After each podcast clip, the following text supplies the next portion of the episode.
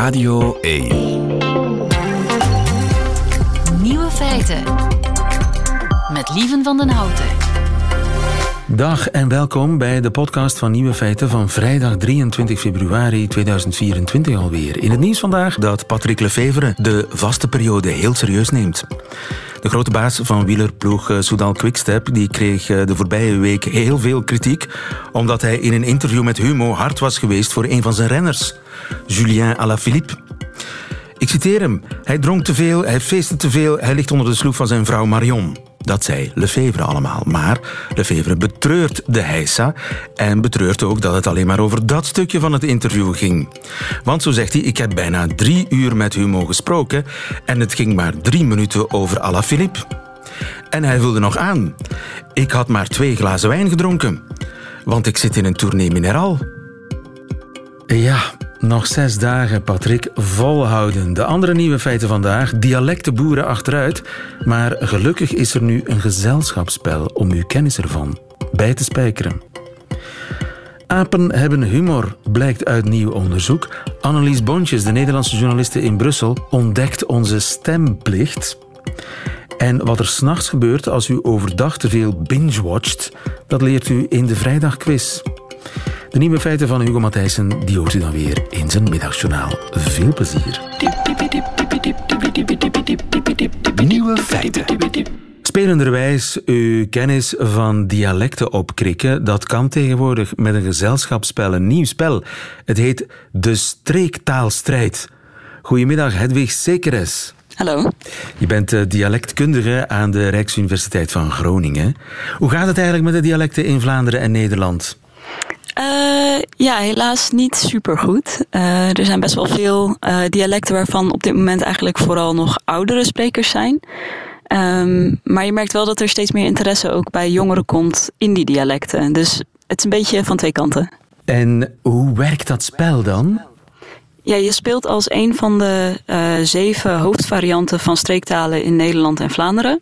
Dus dat zijn dan het Fries, het Neder-Saxisch, het Hollands, Brabants, Limburg, Zeeuws en Oost- en West-Vlaams. Um, en het doel is eigenlijk om op de kaart, dat het, het spelbord is een kaart van Nederland en Vlaanderen, om zoveel mogelijk gebieden voor jouw dialect te veroveren. En dat doe je door vragen te beantwoorden. Dus over taal in het algemeen of over de specifieke streektalen die je probeert te veroveren. Oké, okay, en stel mij eens een vraag. Uh, even kijken, ik heb hier een vraag over het, uh, wat je tegenkomt in het gebied van het West- en Oost-Vlaams. Dat is, het standaard Nederlands heeft zowel de vorm lieden als de vorm lui. Welke van deze vormen is onder, ontstaan onder invloed van het Vlaams? Is dat lieden of is dat lui? Wow. Uh, die, die, die lieden? Ja, dat klopt. Dus de standaard Nederlandse uitklank die correspondeert in de Vlaamse dialecten vaak met een u, maar soms ook met een i, zoals hier.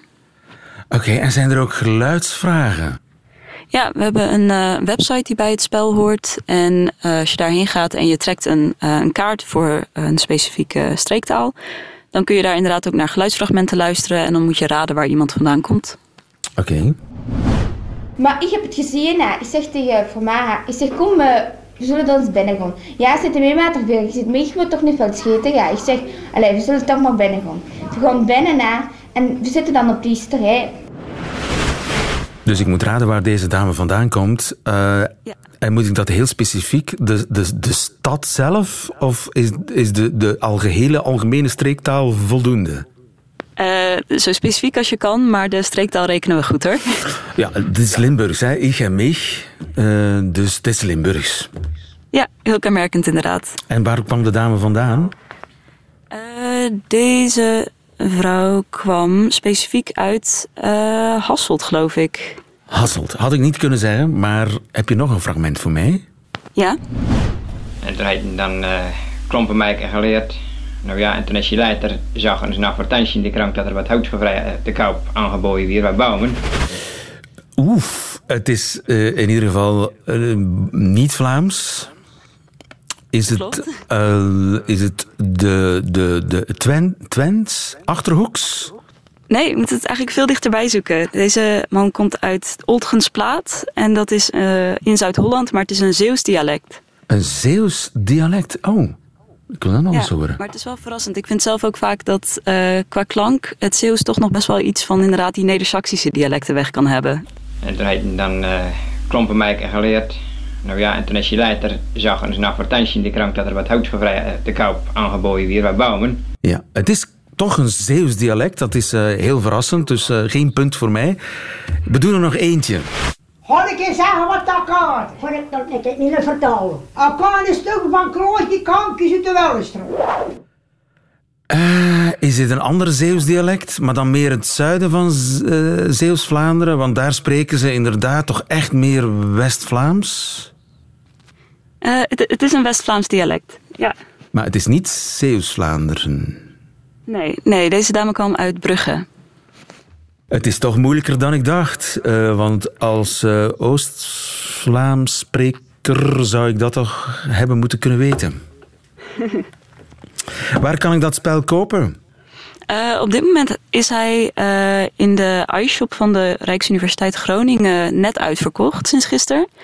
Um, maar hij komt nog terecht in de lokale bordspellen, bordspellen nou ja, speciaalzaken. Eigenlijk in het hele gebied, dus ook, uh, ook in Vlaanderen. Ja, want het is wel, ik vind het wel leuk dat Vlaanderen erbij zit. Hè? Dat het toch als één dialectengroep wordt beschouwd. Ja, ja, dat hebben we ook expres gedaan, omdat als je naar de kaart kijkt, dan zie je eigenlijk ook dat we uh, de, nou ja, de landsgrens die hebben we niet getekend. We hebben eigenlijk gewoon het Limburgs als één gebied dat zowel in Vlaanderen als in Nederland ligt. En voor het Brabants hetzelfde. Is er één taal uh, vooral met uitsterven bedreigd, één dialect? Oeh, dat is lastig te zeggen. Um, of gaan ze allemaal achteruit? Nou, er, zit wel verschil in. Dus het, het Fries en het Limburgs die doen het nog relatief goed.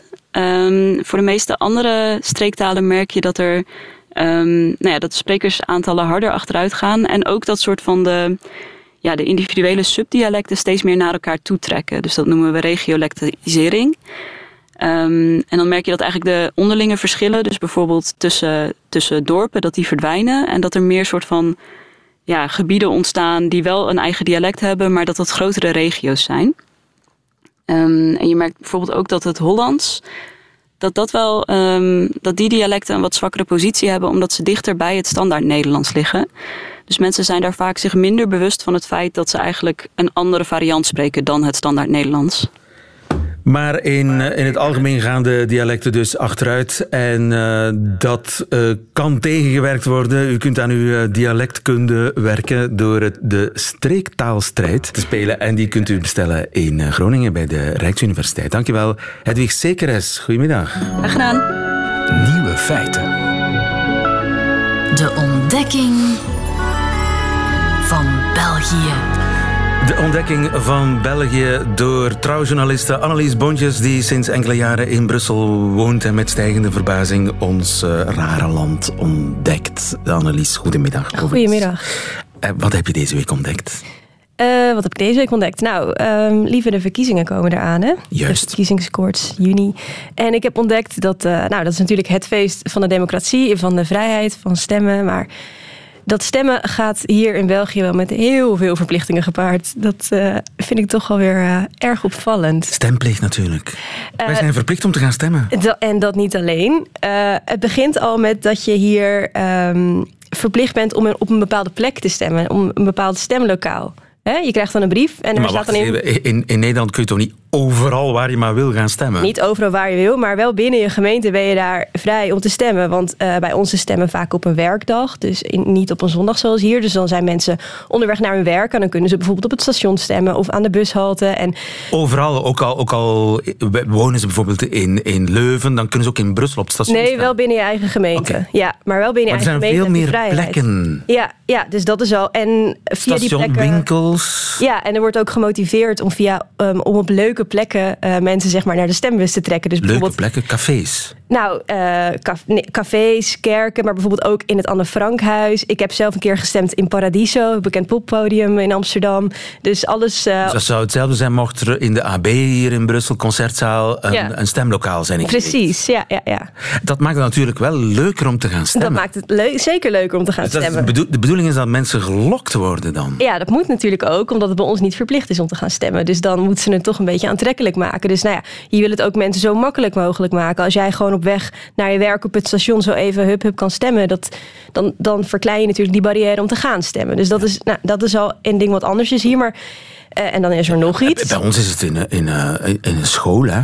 In een, Zondag. Ja, dat heb je natuurlijk ook bij ons hoor. In een gymlokaal of op een minder, minder sprankelende plek. Maar, maar het kan ook leuk. En ik denk zeker voor jongere mensen, of tenminste toen ik ook student was, vond ik het natuurlijk wel leuk om in Paradiso te gaan stemmen. En dan Ja. trek je misschien mensen toch over de streep. Hey, dat, is, dat, is, dat, is een, dat is een idee voor de minister van Binnenlandse Zaken. Misschien om daar eens over na te denken. Ik hoop dat ze luistert, mijn naam geloot, Annelies Verlinde. Ja. Oké, Annelies.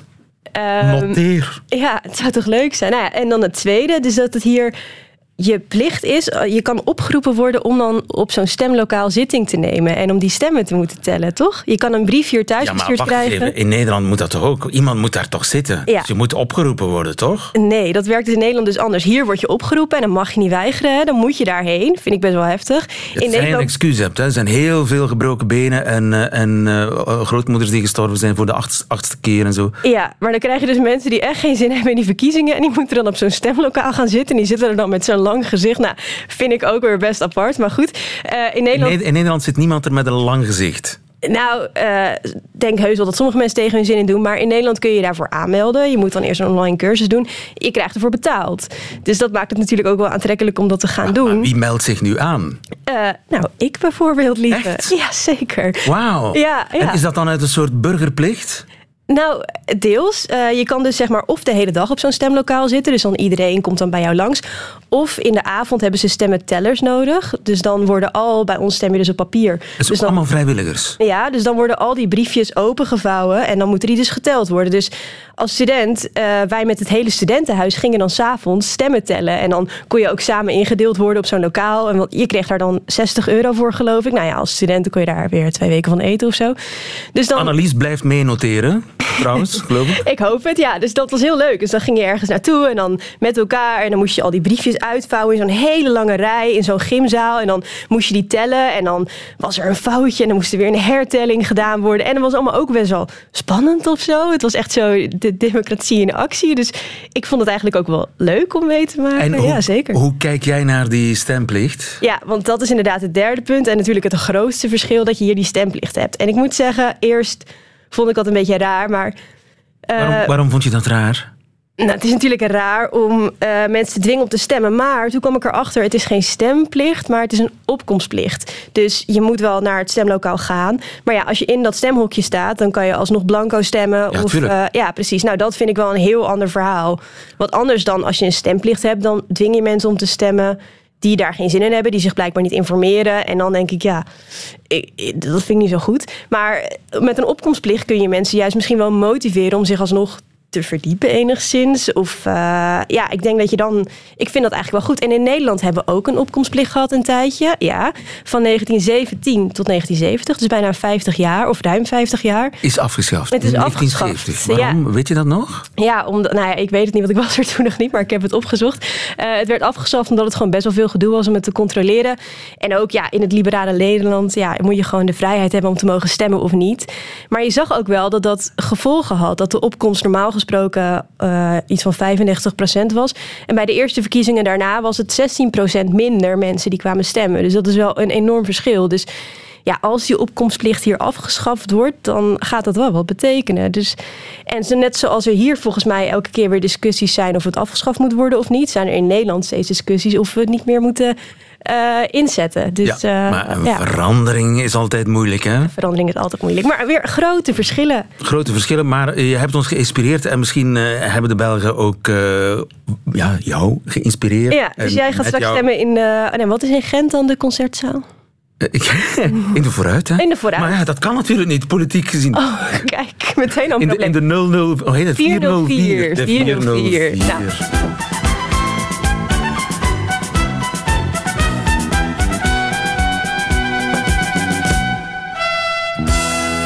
Examen Vlaams. Het Vlaamse voorjaar begint volgend weekend. Dit weekend eigenlijk, hè? En eh, met de koersklassiekers. Wacht, mag ik nog één ding zeggen over die opkomstplicht? We, want Is dit sabotage? Nee, nee, nee. Wel, ik wil hier echt nog even op terugkomen. Want eh, ik vind dat, het wel, dat je er wel moet over nadenken om dat in te voeren. Want ja, als je maar zo weinig mensen hebt die gaan stemmen, in hoeverre is dat dan nog representatief? En dat is natuurlijk wel een probleem waar we in Nederland voor staan. Ja. Dus uh, Nee, jij bent voor de opkomstplicht in Nederland. ja, dus ik hoop dat Annelies Verlinden luistert, maar ik hoop dat onze minister van Binnenlandse Zaken ook Vast wel. Ja. Vast wel. Ik weet het zeker. Die luistert elke week. Ik, ik wou eigenlijk zeggen Oké, dat er prima. voorjaar klassiekers eraan Oké, komen. de koers. Eh, De koers, je weet de koers. Niets is zo belangrijk als de koers. Nee, niks is zo belangrijk als Het is de een beetje zoals schaatsen in jouw thuisstreek Groningen, maar daar kom je toch oorspronkelijk Nee, vandaan? nee, nee, nee, Noord-Holland. Noord-Holland? Ja. Maar oorspronkelijk kom je uit Groningen. West-Friesland. West-Friesland. En dat ligt ook nog in Noord-Holland, maar dat is voor een andere keer. Oké, maar goed. Daar, daar heb je dan de Elfstedentocht. Wij hebben de Ronde van Vlaanderen en zo. Ja. En, de, en nu zaterdag is het omloop, omloop het nieuwsblad zondag Kuurne-Brussel. Kuurne? Brussel-Kuurne. De omloop. Kuurne, Brussel-Kuurne. Ja, Ja. Dat zijn voorjaar, voorjaarsklassiekers. Ja, ik hang aan je lippen.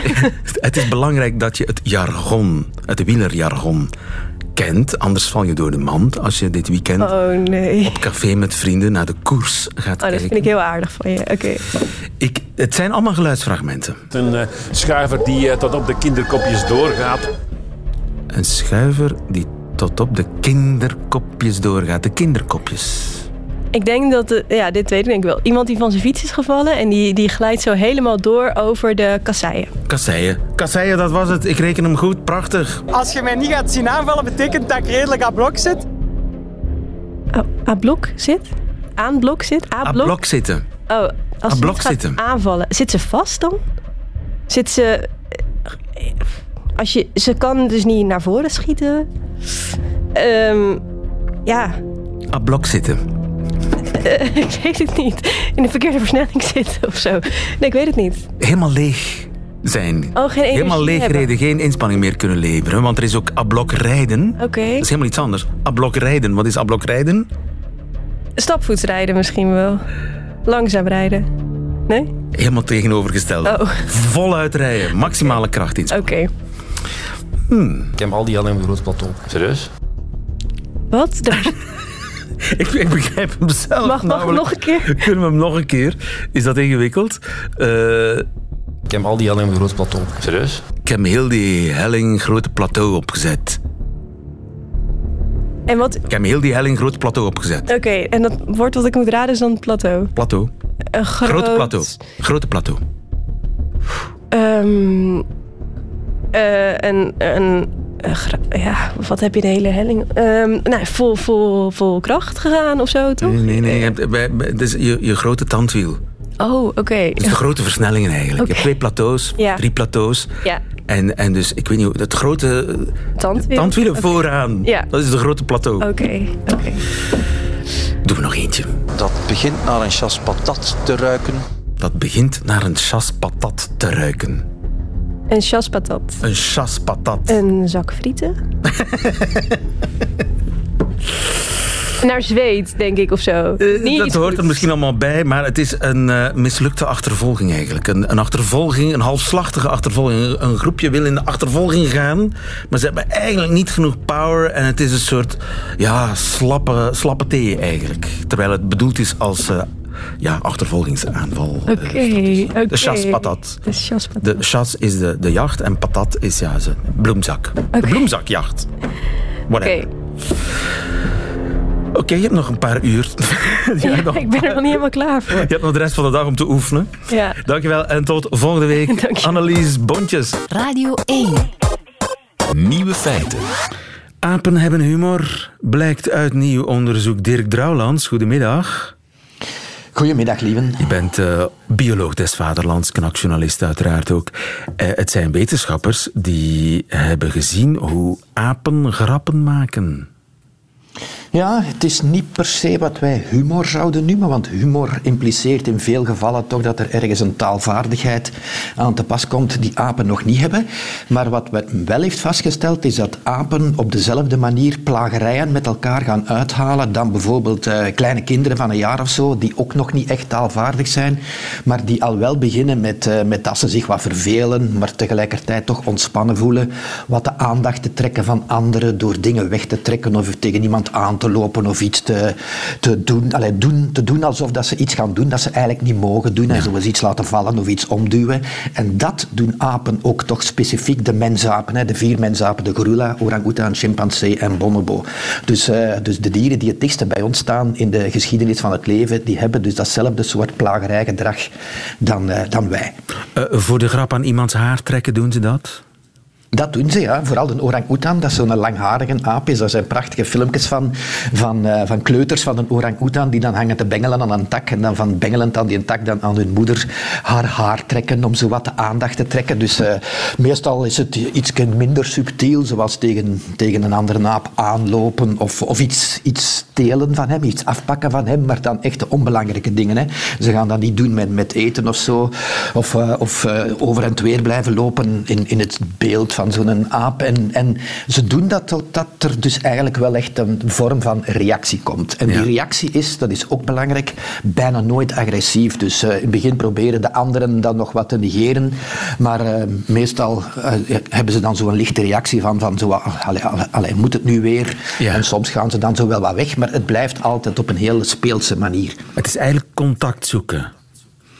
Dus uh, ja, dus contact zoeken en, en, en aandacht trekken. En, en, en het is niet spelen, hè, dat is het. Want dat is belangrijk dat men dat onderscheid maakt. Omdat spelen, dat gebeurt dan met twee of met meer die op dezelfde manier min of meer met elkaar in interactie gaan.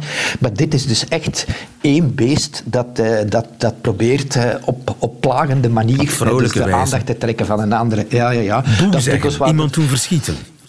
Ja, voilà. Ja. Dus het, het is, het is, het is in, wat dat men in plagerijen bij mensen onderscheidt, daar zitten vier kenmerken in. Zo provocatief, het lokt iets uit, volhardend, je blijft het doen totdat je, uh, totdat je de, het resultaat haalt wat je wilt. Het is speels, dus het is nooit agressief. En er zit altijd een verrassingselement in. En die vier elementen die hebben ze dus ook gevonden ja. bij die vier uh, mensapensoorten. Ja. Dus iemand op het verkeerde afleidt, been zetten, denken van hey, ik ben daar, maar nee hoor, ik ben hier. Zo, dat, dat soort voilà, van al dat soort kleine onnozeligheden ja. die, die, die vooral kinderen ook, ook bij ons doen. Hè. En het intrigerende daaraan is dat men dan, als je dan teruggaat tot de gemeenschappelijke voorouder van de mens met die vier andere mensapen, dan moeten dan toch 13 miljoen jaar teruggaan in de tijd, wat dat toch relatief lang is. Dus dat dat proces van die plagerijen toch, uh, toch al een hele tijd mee zou gaan in ons systeem. We kunnen natuurlijk niet uitsluiten, en misschien is dat zelfs wel realistischer, dat het twee keren ontstaan is na de afsplitsing richting ja. orang-oetan, gorilla in die ene coté. Want gorillas bijvoorbeeld, uh, het systeem is min of meer vergelijkbaar voor de vier mensapensoorten, maar bij de gorilla is dat toch nog wat rudimentairder dan bij de andere. Ja. En vooral bij chimpansee en bonobo begint dat toch wel heel sterk te gelijken op wat dat wij, ja. wat dat wij doen. Dus uh, humor is ouder dan de mens. Ja, dus als je plagerij als een vorm van humor beschouwt, is dat ouder dan de mensen. De vraag is natuurlijk, hoe definieer je humor? Hè? En, en, en, en, en, en als je zo van die rare dingen ziet in andere dieren, kun je beginnen af te vragen van ja, slapstick werkt dat bijvoorbeeld ook in andere dieren dan de mensapen in dit geval. Er is ja. bijvoorbeeld in die wolvenfilm, waar ik de voice-over voor gedaan heb, hè, de film Wolf, zo heet die, over de kolonisatie van Nederland door de wolf. Daar zit zo'n fantastische scène in van zo'n wolvenwelp die meeloopt in de roedel en die loopt tussen de van zijn moeder. En ineens stopt die moeder en die knotst dus tegen een van die voorpoten van die moeder aan. En iedere mens die dat, dat ziet, die lacht zich daar te pletter mee, want dat is echt zo'n hilarische scène. Maar geen enkele wolf heeft daar aandacht voor. Dat is gewoon een incidentje dat gebeurt waar dat geen aandacht aan, aan, aan besteed wordt. Dus, dus ja, of, of al die grappige kattenfilmpjes die op YouTube circuleren van een kat die ergens naartoe springt en die haalt en naar beneden tottert. Wij lachen ons daar te pletter mee. Geen enkele kat in die film ja. vindt dat grappig. Maar misschien zouden dus, apen een... dat leuk vinden als ze dat zien. Ja, dat is En daar, daar zitten toch wel rare elementen in het verhaal. Er is zo een schitterend YouTube-filmpje van, een, van de kleuter orang-oetan die door een trainer in een dierentuin met een goocheltruc geconfronteerd wordt. En je ziet dat dat beest verschiet, want daar was een balkje en ineens is dat balkje er niet meer. En dan nou even zo, zo van wat dat wij zouden noemen stijl achteroverval van het lachen. Hoewel dat je eigenlijk nooit zeker weet wat dat, dat beestje daar nu eigenlijk echt van denkt. Maar het lijkt wel echt heel erg op, op, op, op slapstick en, daarin meegaan. En de mooiste illustratie, maar het is gewoon puur een, een, een, een anekdotische illustratie, die toch illustreert dat dat taalgevoel van ons toch een extra dimensie aan die humorcomponent en die plagerijcomponent gaan geven, is iets dat men beschreven heeft van een gorilla. Coco heette dat dier. En die hebben ze, dat is een dier in gevangenschap en die hebben ze gebarentaal geleerd. En die kent dus meer dan 3000 woorden en kan zelf een duizendtal woorden eh, gebruiken middels eh, gebarentaal. Want die dieren hebben natuurlijk niet de stemcapaciteit zoals wij die hebben. En daar is, die heeft ooit een grap uitgehaald met een trainer. Die had zo bijna stiekem, maar ze hadden het wel gezien, de veters van de twee schoenen van die trainer aan elkaar gebonden. En vervolgens ging die een beetje verder zitten en gaf die het gebarentaal van volg mij eens. Met als achterliggende gedachte, mogelijk wist hij dat hij ging struikelen omdat hij zijn veters eh, vastgebonden waren. En op zo'n moment denkt je toch wel van als apen ooit in de natuur verder zouden gaan in de evolutie van, van taal als, als een extra communicatiemiddel. Ja, eindigen ze, op, heel- eh, eindigen ze als stand-up comedian. Voilà, ja, dan gaan ze van, van zo die simpele plagerijen effectief eh, de, de, de, de, Philip Geubelsen van deze wereld kunnen, eh, kunnen worden. Hè. Wat dat ik denk iets is waar dat we geweldig naar mogen uitkijken, want dat gaat heel plezant zijn, veronderstel Dat denk ik ook. En misschien zijn ze grote fan van Mr. Bean. Dat is misschien een volgend wetenschappelijk experiment met apen. Want dat is eh, woordloze wie weet. humor. Wie weet. In ieder geval, ze hebben wellicht humor. Dirk Drouwlands, dankjewel. Goedemiddag. Goedemiddag, lieve.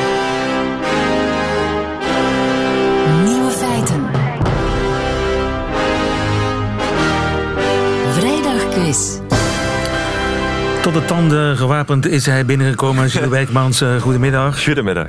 Jules Wijkmans, samensteller en jury van de meedogenloze vrijdagquiz van Nieuwe Feiten. We spelen voor een boekenbon van 25 euro te verzilveren bij de onafhankelijke boekhandelaar.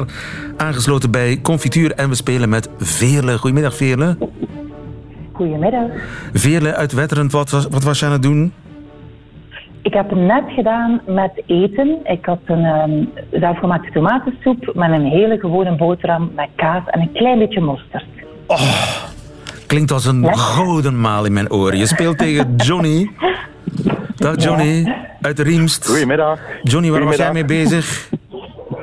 Ik was eh, net bezig met een beetje huishouden. Huishouden? Hm? Ja. Aan het dweilen? Nee, nee, er was een beetje wasbouwen. De was, oké. Ik ben heel trots op je, Johnny. Mannen die zelf wassen. Je, doet, je strijkt toch ook? Eh, dat is beurtelings. Ah, beurtelings. Zeker, dat geloof ik. Absoluut. Goed, ik ga jullie kennis eh, testen van vier nieuwe feiten. Ik begin bij Vele die zich eerst heeft gemeld. Zolang ze juist antwoord blijft aan de beurt. Antwoordt ze fout, dan gaat de beurt naar Johnny. En wie het laatste nieuwe feit goed kent, die wint deze quiz. Wat gebeurt er s'nachts als je overdag je favoriete serie binge-watcht? A. Je snurkt harder. B. Je moet meer plassen, opstaan om te plassen. C. Je moet meer opstaan om te eten. Ehm, ik nurken niet, denk ik. Dus ik denk aan dan ehm, antwoord B. Je denkt B. Dat is helemaal goed. Je moet meer plassen als je overdag tv kijkt. Ja, dat blijkt uit een nieuwe studie. Waarbij dat, eh, het kijkgedrag en het plasgedrag van meer dan 13.000 mensen werd geanalyseerd. Alles voor de wetenschap. Absoluut. En dan blijkt dat nachtelijk plassen, wat de naam nocturia heeft. Nocturia? Ja, 48% vaker voorkomt bij mensen die meer dan 5 uur televisie hebben gekeken. In vergelijking met de mensen die minder dan een uur hebben gekeken. Hoe dat die link precies in elkaar zit, dat weten ze niet. Dat kan te maken hebben met het feit dat je lang neerzit en dat daarom de plaskanalen iets meer eh, geblokkeerd geraken. Omdat je jezelf helemaal laat vollopen tijdens dat binge Ja, of dat slaapgebrek, dat wordt ook gelinkt aan nocturia. Dus hoe dat precies in elkaar zit, dat weten ze niet. Maar in ieder geval, wees opgelet. Vraag 2 voor Veerle. Wat werd in 1440 uitgevonden in Italië? A. Het cijfer na de komma. B. Het plastic topje van een veter. Of C. De soepap. Het ventiel. Veerle. Ehm, 1440, zei je? 1440 inderdaad. Maar niet opzoeken, hè, Veerle? Niet opzoeken. Gewoon Eh, gokken. Ik doe maar... Nee, nee, het vetertje. Het plastic, Het plastic topje van de veter. Ai. Johnny komt in de race. Eh, het wordt geen chas patat, hè? Dat, eh, dat kunnen we nu al zeggen. Wat denk jij, Johnny? Eh, ik denk antwoord A. Je denkt A. Ja. Dat is helemaal Het goed. cijfer na de komma is uitgevonden in 1440 in Italië. Ja, je denkt dat dat altijd al bestaan heeft. Hè. Maar nee, ehm, er werd tot nu toe aangenomen dat dat in 1593 werd uitgevonden.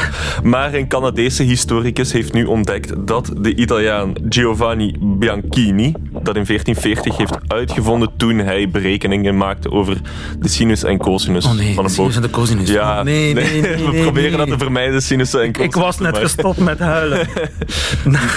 maar in ieder geval, de sinus en de cosinus hebben ons wel het getal na de komma opgeleverd. Johnny, vraag 3. We gaan snel door. Welk doe-het-zelf-gereedschap gebruikten de Neandertalers al? Was dat A, een schroevendraaier, B, lijm of C, een waterpas? De Eh, ik Neandertalers. denk eh, antwoord B. Je denkt B? Dat is helemaal goed. Zij Oh. Zeer gedecideerd. Ja, je wist het, Johnny. Nee, ik wist het niet. Het wa- het was een eh, gok, een rekende gok. Een, goddelijke ingeving. Neandertalers gebruikten lijm. Ja, eh, er zijn Berlijnse onderzoekers achter gekomen die hebben een aantal stenen werktuigen van Neandertalers geanalyseerd en dan gezien dat daar een soort lijmorganische stof aan vasthing. En wat ze gedaan hebben is eigenlijk, eh, en nu ben ik even de namen aan het zoeken van die stoffen, bitumen en eh, oker met elkaar gemengd. En dan krijg je een plakkerige substantie waarmee dat je handvaten aan die scherpe stenen werktuigen kan doen. Want ja, die stenen zijn natuurlijk heel scherp, heel onhandig om vast te houden. En op die manier konden ze daar een handvat aan vastmaken en waren die makkelijker in gebruik. Nou, slotvraag is eh, voor jou ook, Johnny. Ja. Een filmpje van Will Smith ging onlangs viraal. Wat is er in dat filmpje te zien? Will Smith vervangt een fietsband. Will Smith doet de afwas. Will Smith eet spaghetti. A, B of C? Ehm, goh, ik moet gokken, ik denk antwoord A. Denkt antwoord A. Doe me toch. Johnny, Johnny, Johnny. Veerle, Veerle. Het is nog niet verloren. Veerle kan het ook nog fout hebben. Dan ben jij de winnaar. Veerle, wat denk jij? Ehm, ik ga dan voor de spaghetti. Je gaat voor de spaghetti. Het is gebeurd. Dat is helemaal goed.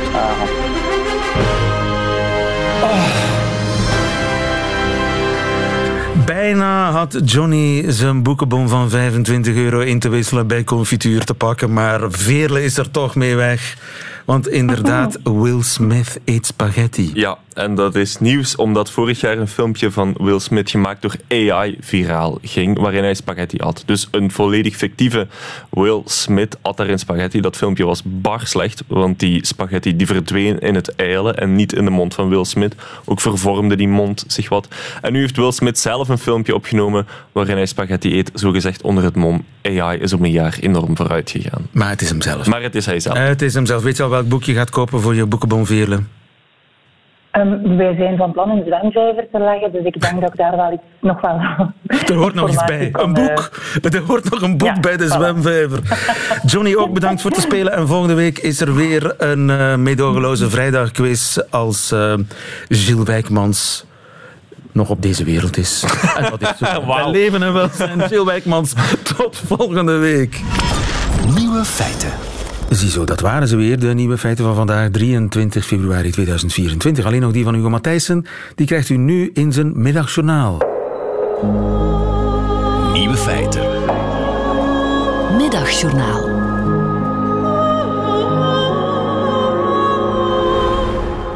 Die arme zangeres Natalia kreeg de voorbije dagen heel wat naar haar hoofd geslingerd. Naar verluid heeft ze naar haar medewerkers staan roepen en tieren tijdens de opnames van Back to Reality, een programma over armoede. Nu is Natalia een soul diva en in dat genre is de grens tussen een soulvolle uithaal en roepen en tieren soms moeilijk te trekken. Misschien stond ze gewoon te zingen bij de afwas. Daar geniet ze dus alvast het voordeel van de twijfel, tenzij die zogenaamd uitgescholden medewerkers muzikologen waren. Een ander verwijt was dat ze zouden hebben vals gespeeld. Natalia en Astrid moesten een maand lang een armoedig leven leiden in een gewoon rijtjeshuis. Maar buren verklapten dat er vaak een traiteur langskwam, een manicure, een pedicure en een kapper. Er zou ook sprake zijn van een nanny en een poetsvrouw. En verder hielden ze het nog steeds volgens de achterklap na een week al voor bekeken en hebben ze de rest van de tijd in knokken doorgebracht of in Dubai. Het programma is inmiddels afgevoerd. Maar was dat nu allemaal zo erg? Het was toch een reality show, dat betekent dus een show die dingen toont die echt lijken, dus niet per se echt zijn. Neem nu die trektocht door Groenland met die BV's, ook zo'n reality show. Het is een publiek geheim dat die tentjes steeds op minder dan 500 meter van een hotel stonden. Hotel Vandere Huzet aan de rand van de stad Nuuk. Dat hotel werd natuurlijk slim buiten beeld gehouden. De dagelijkse trektochten werden steeds op dezelfde plek opgenomen, nog eens 100 meter verder. Dat is overigens een groot voordeel van dat land.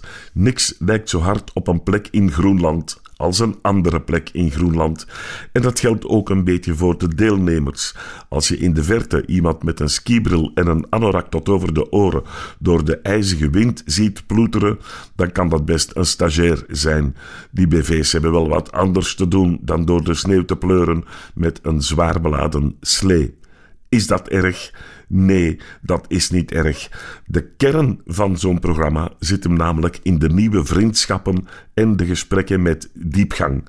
Maar daarmee alleen red je het als tv-maker niet, want dan denkt de kijker: vriendschap en diepgang, dat kan ik thuis ook. Of in het café om de hoek. En hij zapt. Maar Groenland is niet bepaald thuis of om de hoek. Voilà, en daar zit hem de meerwaarde. En bovendien, en dat moeten we toejuichen, heeft dat programma ook een educatief kantje. We ervaren wekelijks dat er in dat land werkelijk niks te zien is. Dat weerhoudt de kijker ervan domweg twee weken Groenland te boeken en zich daar dan stierlijk te vervelen. Wij noemen dat consumentenbescherming. Volgende week wordt de laatste aflevering uitgezonden. Ik zal alvast kijken en op de emo-momenten, waarvan de uitzending ongetwijfeld weer zal barsten, zal ik me niet te beroerd voelen om de traantjes empathisch te laten vloeien. Dat doe ik trouwens al mijn hele leven. Of dacht u dat ik als kind al dacht: och, die Bambi is gewoon een tekening, zijn mama ook, en de jager die haar neerschoot eveneens, dat raakt mijn koude kleren niet. Nee. En dat brengt ons bij een constructieve out-of-the-box slotgedachte. Misschien hadden ze van Astrid en Natalia Back to Reality beter ook een tekenfilm gemaakt. Dan hadden we lekker kunnen blijven genieten zonder al dat gedoe van de laatste dagen dat de emotionele beleving toch een beetje hypothekeerde en de boel finaal deed kelderen. Dank u wel.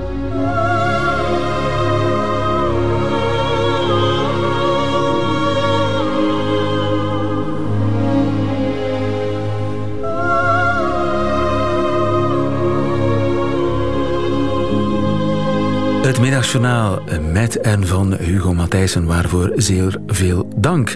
Einde van deze podcast hoort u liever de volledige nieuwe feiten met de muziek erbij. Dat kan natuurlijk elke werkdag live tussen 12 en 1 op Radio 1 of on demand via VRT Max. Tot een volgende keer.